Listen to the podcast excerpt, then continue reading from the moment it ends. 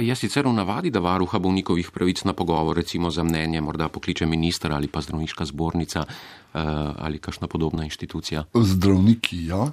Varuhinja bolnikovih pravic, človekovih pravic se tudi zelo zanima za drugo področje, medtem ko te inštitucije, te uradne inštitucije v mojih izkušnjah takega kontakta še ni. A vam morda dajo čutiti, da ste nek amaterski preiskovalec, da rečem tako grdo, nek ne bodi ga treba, morda ob vseh drugih možnih pritožbenih poteh? Recimo. Ja, ja, tudi to sem že doživel v pisni obliki, da so me vprašali, na kakšni pravni osnovi to počnem. Pravna osnova zastopnikov je pravzaprav postavljena, medtem ko varuh je inštitucija še z prejšnjih letos imamo desetletnico. In je pravna osnova je dogovor med strokovnjaki z področja prava in medicine na vsakoletnem posvetu v medicini in pravu, je, da točno inštitucijo potrebujemo in da jo bo Maribor imel. Druge pravne osnove ni, razen še odločbe mestne skupščine, da postavlja varuha. Ampak to se mi zdi najmanj pomembno, ker ko je pogovor na tej, ko pogovor v taki obliki poteka, potem je jasno, da, je, da ni več pravega sodelovanja, ampak da je tipični pravniški konflikt. Takrat se da potem še malo stvari narediti. Ampak ravno to, ne, delo, ki ga upravljate, varuha bolnikovih pravic, zahteva pravzaprav nekako drugačna znanja, formalna tudi, najbrž kar nekaj tudi pravnega, medicinskega besedišča. A ste imeli kaj težav s tem? Ja. Ja, odlično izhodišče je dobra pravna izobrazba, oplemenitena s človečnostjo in medicinska. Torej, ti dve strokovni področji sta lahko močno, močno podporo rešujejo na kakšnem področju, kar tako ene probleme. Hkrati pa postavljajo varuha ali pa zastopnika v napačno vlogo eksperta. Jaz sem prepričan, da delo varuha ni ekspertno delo, ker bi presojal ali bil kakršen koli arbiter, ampak da je posredniško da je to posredovanje, včasih tudi čisto strokovno, medijacija med bolnikom in med vsemi tistimi, s katerimi se v zdravstvenem sistemu srečamo. Uh -huh. In da tukaj ne gre za stopno moči.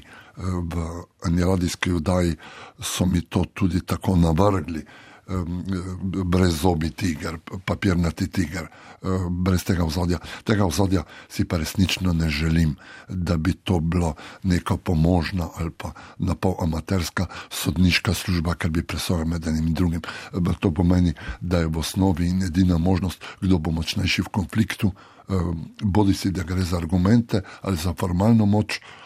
To pomeni, da se znajde varuh v svojem načinu mišljenja na tisti točki, kar, je, kar se v prvi vrsti išče krivda in krivca za neki neuspeh, za neko drugačno pot, v tem primeru zdravstveno, kot je pač bila zaželena z ene strani in prav gotovo tudi z druge strani.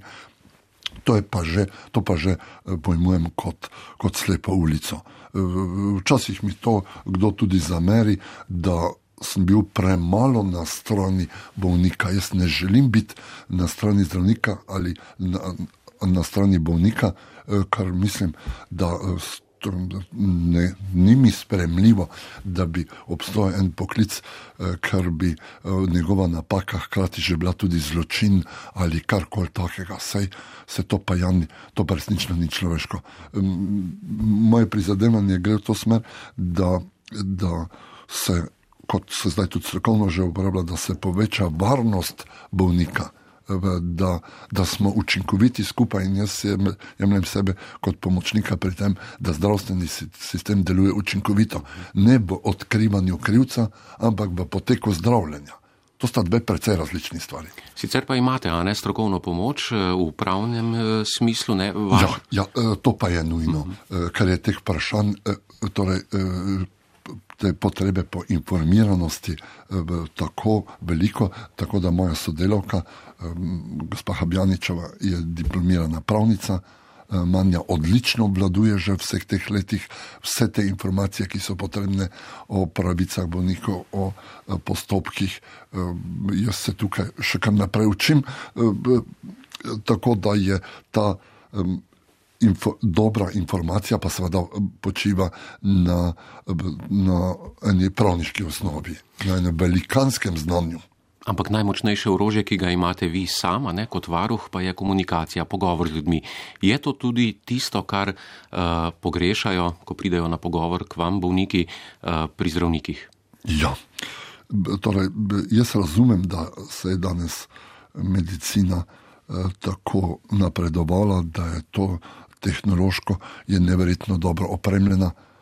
In uh, so nekateri izmed teh preiskav tudi bolj zanesljive, najbrž, ampak uh, ob tem se je izgubil stik ne, ne samo na nivoju uh, komunikacije, verbalne komunikacije, ampak je v mnogih primerih izgubljen tudi stik na čisto fizičnem nivoju. Uh, pogosto se danes zdravnik ne dotika več uh, bolnika nima telesnega kontakta, tistega, ki pravzaprav prebije razdaljo, zelo dobesedno in tudi v najbolj simboličnem pomenu. Torej, dotik z drugim bitjem je nekaj, kar, kar, kar vsak izmed nas tudi potrebuje. V družinskem krogu je to tako očitno, ali pa med dvema fantoma, ker ta dotik socializira na ta način, da ga naredi tako eno grobo igro. Se treplata po ramenih ali pa suk, dregata v rebra ali karkoli, ampak v osnovi je potreba po telesnem stiku. Uh -huh. e, tako da danes v vseh teh poklicov, pravzaprav danes še samo frizer ima neposredno kontakti nam brodi po glavi ali pa kakšen maser ali kaj takega. Ampak to je sestavni del tako naravnega uh, odnosa, uh, da je bil tukaj prej zdravnik zelo privilegiran danes pa, mu, pa ga vsa ta elektronika v tem elementarnem smislu oddaljuje od bolnika.